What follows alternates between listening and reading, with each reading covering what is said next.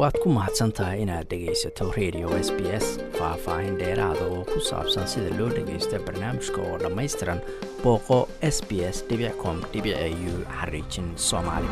Dhakhaatiir ka tirsan dalkan australia ayaa sheegay in natiijo fiican oo ay ka soo baxday tijaabo daawooyin loo isticmaalayo kansarka brostateka la yiraahdo marka uu heerka ugu khatarsan gaaro. Cudurkan ayaa ah mid ay adag tahay in la daaweeyo waxaana sanad walba u dhinta saddex kun iyo laba boqol oo nin oo australian ah oo kansarka brostateka uu ku dhacay. Tijaabada daawooyinkan cusub ayaa rajo fiican siinaya bukaanka xanuunkaasi qaba. Bernard levers wuxuu ka mid yahay malaayiin nin oo adduunka oo dhan ah oo la nool prostate cancer.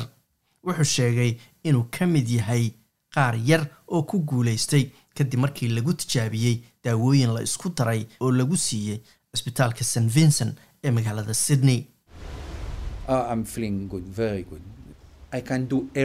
waan fiicanahay aad baan u fiicanahay wax kasta oo aan rabo waan samayn karaa. daawo dhib badanna ma aha. daaweyntii kimoterabigu waxay ahayd mid adag oo aad u adag ayuu yiri mr liveris waxa uu ka yimid jasiiradda numiya oo ku taal south pacifica oo daawooyin badan aysan ka jirin. Wuxuu ka mid ahaa konton iyo lix nin oo aqbalay in lagu tijaabiyo daawooyinkaasi kadib markii cudurku uu ku faafay lafihiisa iyo sambabada. Rofesorad louis emmet oo ka tirsan cisbitaalka st vincent ayaa sheegtay in tijaabadan ay ahayd fursaddii daawo ee ugu dambeysay ee ninkan la siiyo waana lagu guulaystay ayay tiri.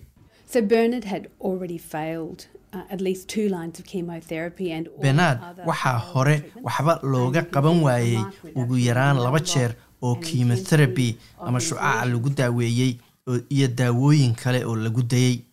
Haddana isbeddel weyn ayaa lagu arkaa ayay tiri kadib daawooyinkan cusub. Tijaabadan ayaa ka kooban laba daawo oo laysku daray.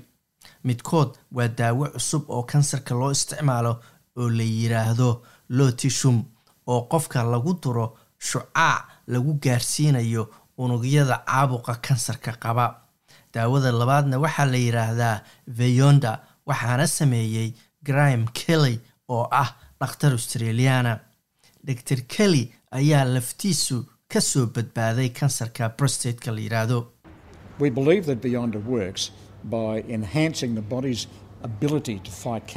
Waxaan aaminsanahay in daawadan verenda ay shaqaynayso maadaama ay kordhinayso ama xoojinayso awoodda jirka qofku u leeyahay inuu la dagaalamo kansarka.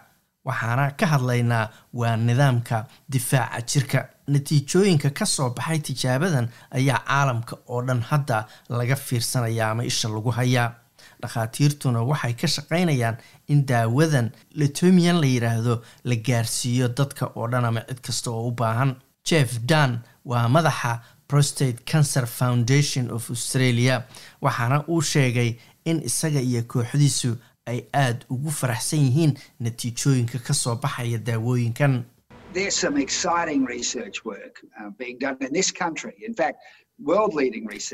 Daraasado xiise badan ayaa waddankan laga samaynayaa.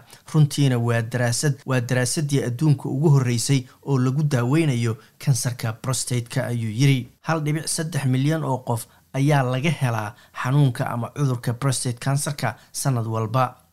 Mr livers ayaa sheegay inuu rajaynayo inuu si dhaqso ah dib ugu laabto dalkiisii hooyo iyo qoyskiisii ee dalka ama jasiiradda numiya.